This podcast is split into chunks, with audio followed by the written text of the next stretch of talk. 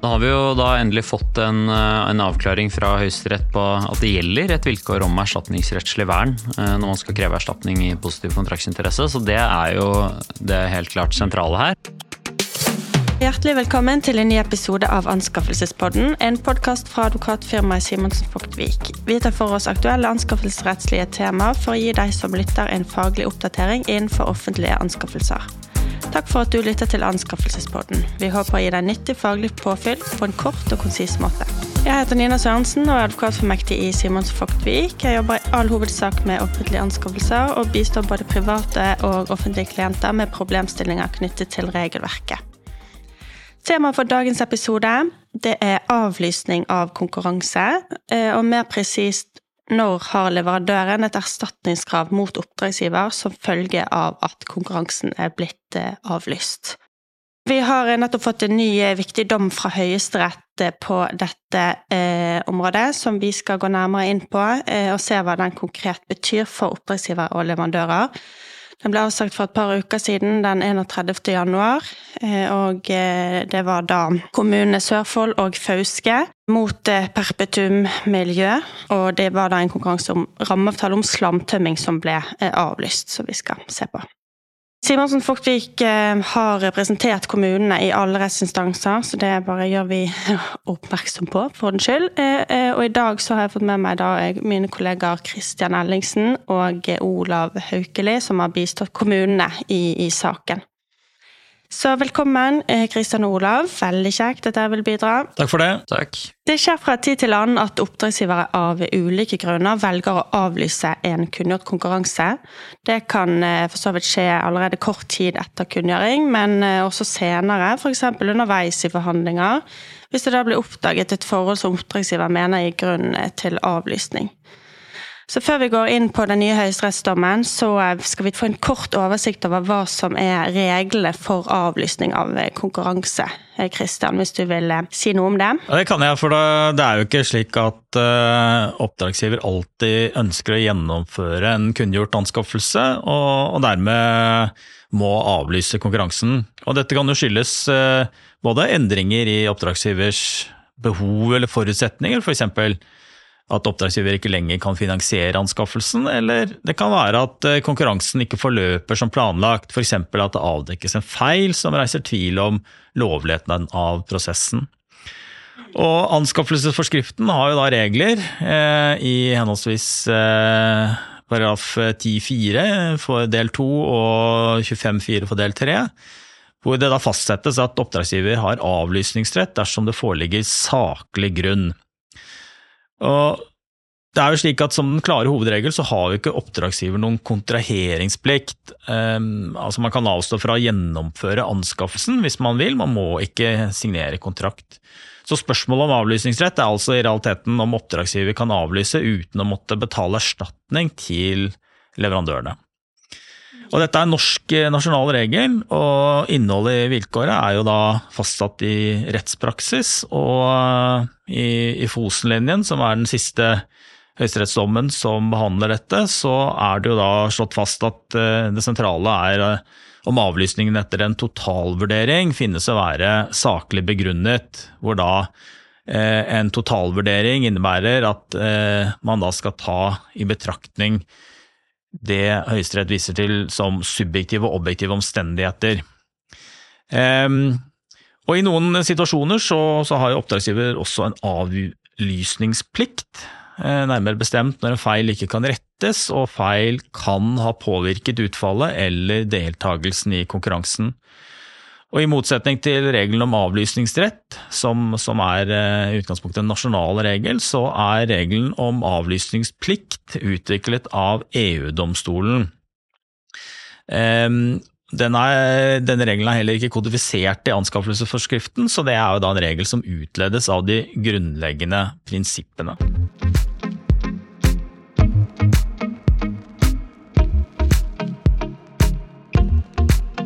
Kan vi si noe om eh, erstatningsreglene da på, når det gjelder avlysning? Nå kan eh, oppdragsgiver komme i erstatningsansvar? Eh, Olav, kan du ta oss gjennom det? Ja, og da er det jo som ellers at man har disse tre vilkårene for erstatningsansvar, også i offentlige anskaffelser. Men det er jo da egne vilkår som regulerer erstatningsansvaret innenfor offentlige anskaffelser. Eh, og spesielt når det da gjelder avlysning, så må man jo begynne med å, å vurdere, for det første på ansvarsgrunnlag, om avlysningen var lovlig.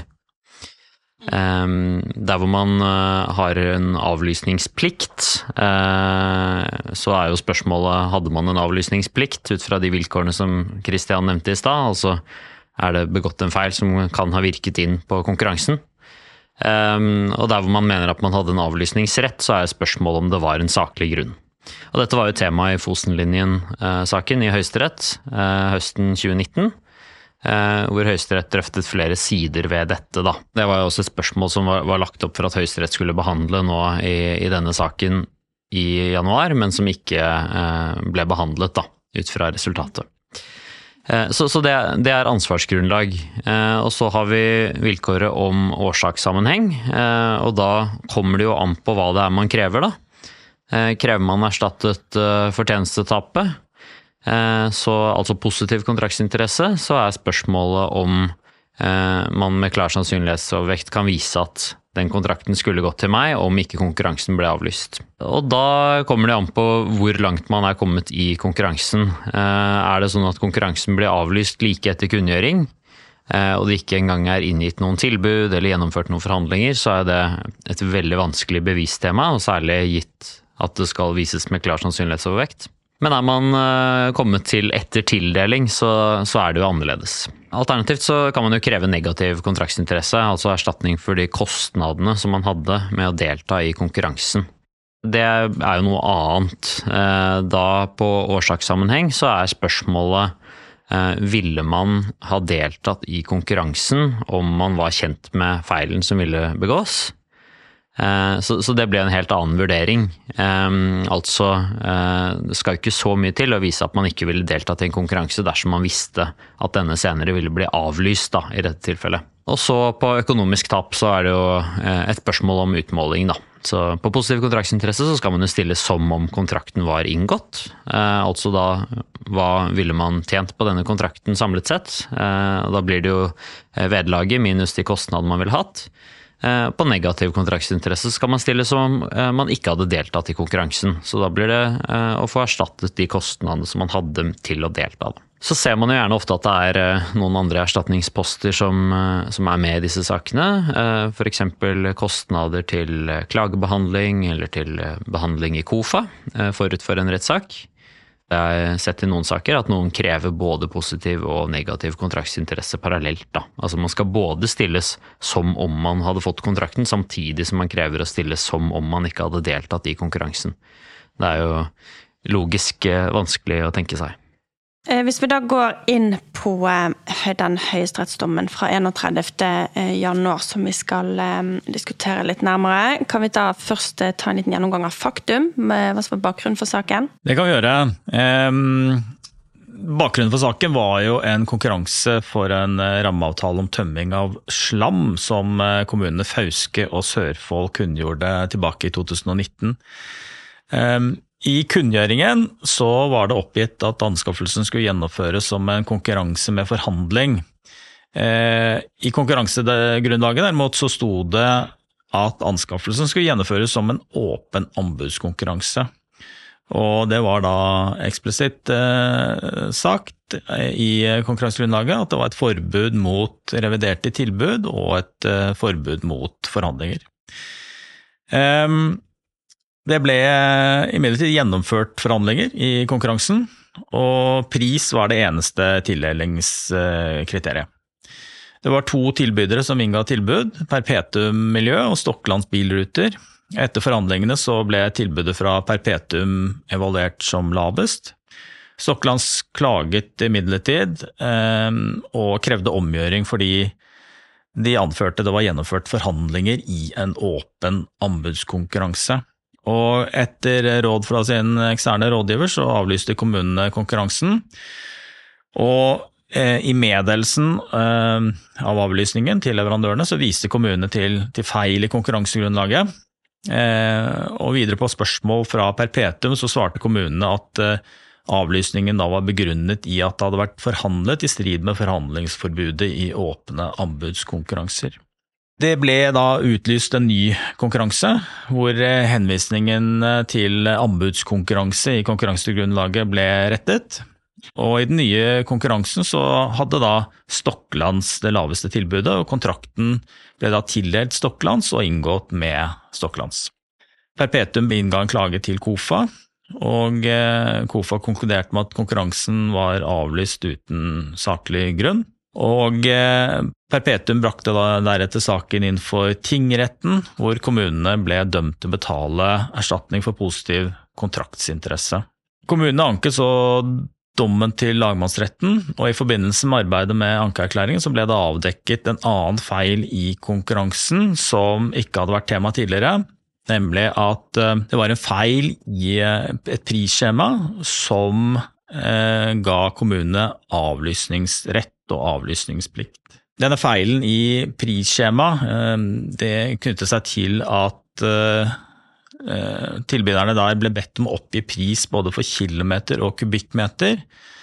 Men det var ikke noen felt for å fylle inn kubikkmeter. og dette ledet til at Perpetuum og Stocklands fylte ut skjema på ulik måte, og dette påvirket da eh, i sin tur evalueringen av tilbudene.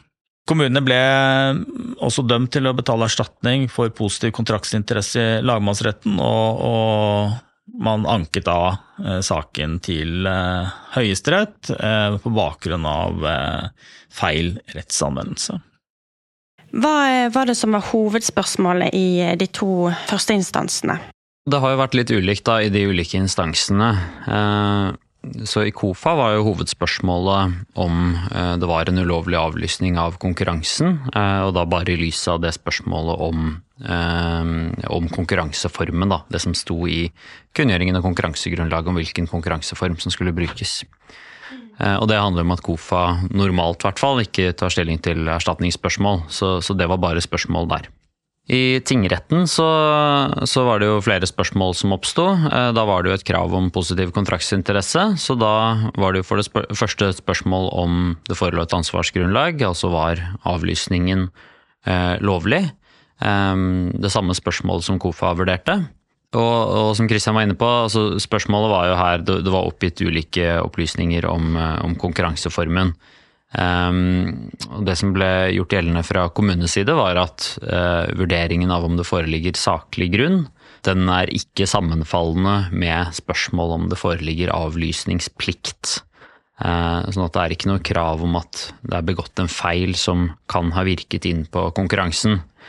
Uh, og så uansett anførte kommunen at her kunne man ikke utelukke at det hadde vært en innvirkning på konkurransen.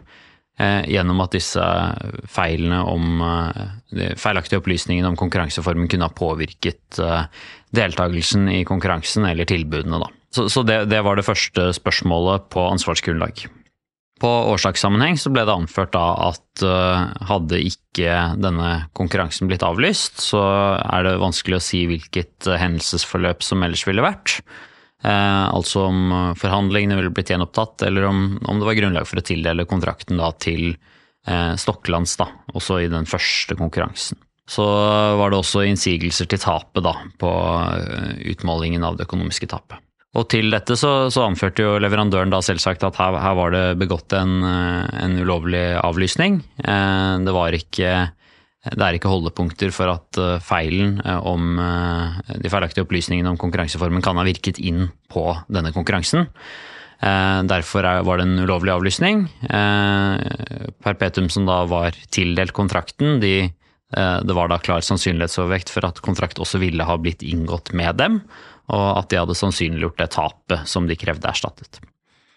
Så, så, det var tingrettsbehandlingen, og, resultatet ble jo der som kjent at uh, kommunene ble dømt til å betale positiv kontraktsinteresse. Og så for lagmannsretten så kom det jo da inn nye spørsmål i lys av at dette om prisskjemaene ble avdekket. Kommunenes anførsel da det var at uh, feilen ved prisskjema uansett uh, medførte at avlysningen var lovlig. Og at det da sånn sett var et spørsmål som både var relevant under spørsmål om ansvarsgrunnlag, årsakssammenheng og økonomisk tap. På ansvarsgrunnlag så, så handler jo dette om det som ble sagt i Fosen-linjen. Eh, nemlig at man ved vurderingen av om en avlysning er saklig, ikke bare skal legge vekt på den begrunnelsen som blir gitt på avlysningstidspunktet, men også at man kan trekke inn etterfølgende begrunnelser. Sånn at når man da avdekker at det var feil ved eh, prisskjemaene i ettertid, eh, så er det også noe man kan legge vekt på. Og på årsakssammenheng så ble det jo da anført at, at, årsakssammenhengen rett og slett var brutt som følge av dette, og at feilen med prisskjemaene medførte en avlysningsplikt. Eh, og eh, for det tredje da på økonomisk tap at eh, kravet uansett ikke har erstatningsrettslig vern. Da var det jo det siste da som til slutt skulle vise seg å bli sentralt for Høyesterett. Hvilke spørsmål var det Høyesterett slapp inn til behandling? Det var jo ikke alt som ble behandlet i tingretten og lagmannsretten, eller lagmannsretten, altså, det ble anket over, som ble sluppet inn. Det var da tre Eh, spørsmål som ble sluppet inn eh, til behandling av Høyesterett. Eh, for det første så, så, slapp man inn spørsmålet om knyttet til ansvarsgrunnlaget. Altså hva er det saklige grunnvurderingen skal baseres på? Hvor da, som Olav var inne på, spørsmålet er hvis det forelå avlysningsplikt på avlysningstidspunktet, Eh, slik at eh, da, avlysningen materielt sett var, var, var, riktig, isolert sett. Mm. Kan det da likevel ikke foreligge saklig grunn og avlysningsrett fordi forholdet ikke ble påberopt i begrunnelsen for avlysningen. Videre så uh, slapp da Høyesterett inn spørsmålet om uh, årsakssammenheng, uh, altså i en situasjon hvor, hvor det foreligger avlysningsplikt Eh, foreligger det da årsakssammenheng eh, mellom eh, den ansvarsbetingende handlingen og tapet. Og til slutt også da spørsmålet om et slikt tap er erstatningsrettslig vernet. Hva ble Høyesteretts vurderinger og, og resonnementer på disse spørsmålene da, Olav? Det er jo da årsakssammenheng og erstatningsrettslig vern da, som ble behandlet, siden det ikke gikk inn på spørsmålet om innholdet i vilkår om avlysningsrett. Um, så på årsakssammenheng, eh, så med utgangspunkt i da eh, eldre rettspraksis, så bl.a. denne p-pilledom 2 fra 90-tallet, så sa Høyesterett at det er en eh, i utgangspunktet faktisk vurdering, uten at det der gjelder noe vilkår om at man at det hypotetiske hendelsesforløpet må være lovlig. Og at de andre rettslige sidene av årsaksvilkåret de, de aktualiserer seg sjelden i anskaffelsessaker, fordi oppdragsgiver står såpass sentralt i hendelsesforløpet. Da. Uh, så, så, der hvor man anfører at alternativet hendelsesforløpet da, ville være ulovlig, så måtte det løses under spørsmålet om erstatningsrettslig vern. Um, og der gjør uh, Høyesterett en, en, vurdering hvor man tar utgangspunkt i da den rettspraksisen som først åpnet for at man i det hele tatt kunne få erstatning for positiv kontraktsinteresse i anskaffelsessaker, nemlig Nucleus-saken. Um, og viste til at der uh, var jo utgangspunktet at man uh, man hadde jo ikke noe rettskrav på kontrakten, og da har man normalt sett heller ikke noe krav på positiv kontraktsinteresse. De hensynene som likevel gjorde at man tilkjente positiv kontraktsinteresse, det var jo at man, man var såpass tett opp til et rettskrav, kan man si. Da. Altså man har, det er en regelbundet avgjørelse og en regelbundet prosess som gjør at man eh, i praksis ligger tett opp til et tilfelle hvor man har rettskrav på kontrakten. Eh, I tillegg til at eh, hensynet til håndhevelse av regelverket også tilsier at det tilkjennes erstatning også for positiv kontraktsinteresse. Eh, men, og så kommer jo da det sentrale, den forventningen som leverandøren har om å få tilkjent positiv kontraktsinteresse, det må være en berettiget forventning. Og da mener Høyesterett, med støtte fra juridisk teori, at en forventning som forutsetter en ulovlig tildeling, den er ikke berettiget.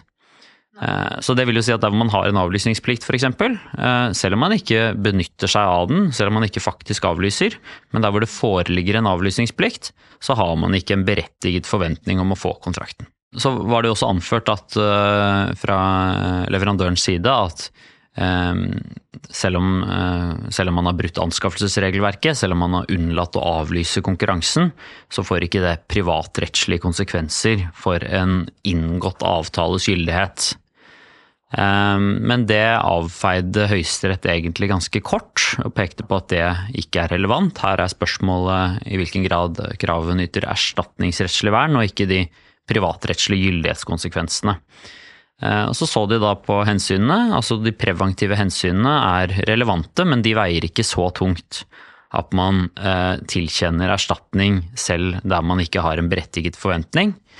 Ehm, og hensyn til reparasjon hos tilbyderen, altså at man skal få dekket opp for det tapet man har litt, det ivaretas gjennom at man får tilkjent negativ eh, kontraktsinteresse. Erstatning for negativ kontraktsinteresse. Da ble jo konklusjonen at der hvor det foreligger avlysningsplikt, så får man ikke tilkjent eh, erstatning for positiv kontraktsinteresse. Eh, og så, som vi har vært inne på, da, så var jo tilfellet i vår sak det var jo at denne konkurransen ble jo rent faktisk avlyst. Så et spørsmål som eh, noen allerede har eh, stilt seg, er jo hvilken betydning dette får i andre saker, altså der hvor konkurransen ikke ble avlyst. Der tenker vi at det Eh, slik Høyesterett bygger opp sitt resonnement, så er ikke det eh, avgjørende for konklusjonen at konkurransen ble avlyst. Det er den berettigede forventningen da, som Høyesterett vurderer det med utgangspunkt i, og at slike berettigede forventninger ikke foreligger der hvor det er avlysningsplikt, uavhengig av da eh, om konkurransen ble avlyst på et annet grunnlag eller ikke.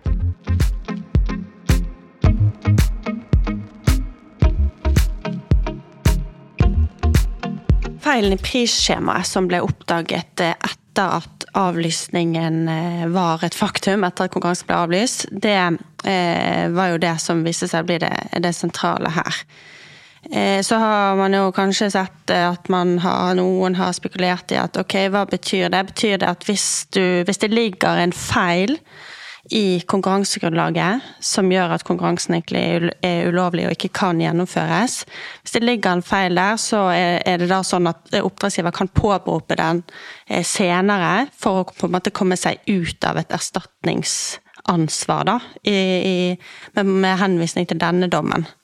Hva skal man si til eh, et sånt eh, resonnement? Det er jo en litt sånn absurd tanke da, at, at, at oppdragsgivere skulle på en måte har jeg noen interesse i å, å legge inn feil for, uh, i konkurransen, uh, for på en måte å se for seg et, uh, for et hendelsesforløp hvor, hvor, du blir stilt overfor et, en situasjon med et erstatningskrav. Det bærer jo altfor langt av sted, etter min mening. Utgangspunktet er jo at når du kunngjør en konkurranse, så er det jo for å, å gjennomføre en anskaffelse. Og, og, da legger du jo på en måte ikke inn feil som, som gjør at du risikerer at den konkurransen vil bli avlyst. Um, det det syns jeg er, eh, er, er søkt. Um, men sånn ellers for, for, oppdragsgivere så er det jo klart at uh, denne saken er jo et eksempel som vanlig på, på viktigheten av at det den den muligheten som oppdragsgiver har til å kommunisere med, eh, med markedet og leverandørene, det er eh, i, hovedsak kunngjøringen og, og, konkurransegrunnlaget, og da er det svært viktig at oppdragsgivere er eh, nøye med å, lese gjennom hva som blir kommunisert, og, og sørge for å luke ut, luke ut åpenbare feil. Eh, og gjøre skikkelige vurderinger av eh, det som på en måte er de grunnleggende elementene i konkurransen, herunder eh, konkurranseform, kvalifikasjonskrav og tildelingskriterier. Og det gjelder da også selv om man benytter seg av eksterne rådgivere i prosessen. Hvis vi ser dette fra leverandørenes side, da, etter denne dommen, hva bør leverandørene være særlig oppmerksom på? Det er vel eh, særlig at uh, et krav om uh, erstatning for fortjenestetapet, positiv kontraktsinteresse, det er ikke rett frem. Det er strenge vilkår. Så man må gjøre grundige vurderinger da, innen man skal gå til sak og kreve erstatning. Det er jo kanskje det, viktigste når det gjelder selve prosessen i det. Men når det gjelder anskaffelsen, så er det jo klart at dette viser jo egentlig hvor viktig det er at også leverandørene tar ansvar for å påpeke feil som foreligger i konkurransegrunnlaget eller i kunngjøringen eller i prosessen for øvrig. Da. Man kan ikke lene seg tilbake og se på hva som skjer, tenke at dette eh, er oppdragsgivers ansvar, men man, eh, man bør definitivt påpeke det man ser, fordi det kan, det kan slå tilbake senere, da. Hva er saksgangen eller prosessen videre nå etter denne høyesterettsdommen? Høyesterett har jo da eh, konkludert med at eh, lagmannsrettens rettsanvendelse var feil, og eh, som følge av det opphevet lagmannsrettens dom. Eh, så saken eh, skal jo da opp i lagmannsretten på nytt eh, til behandling.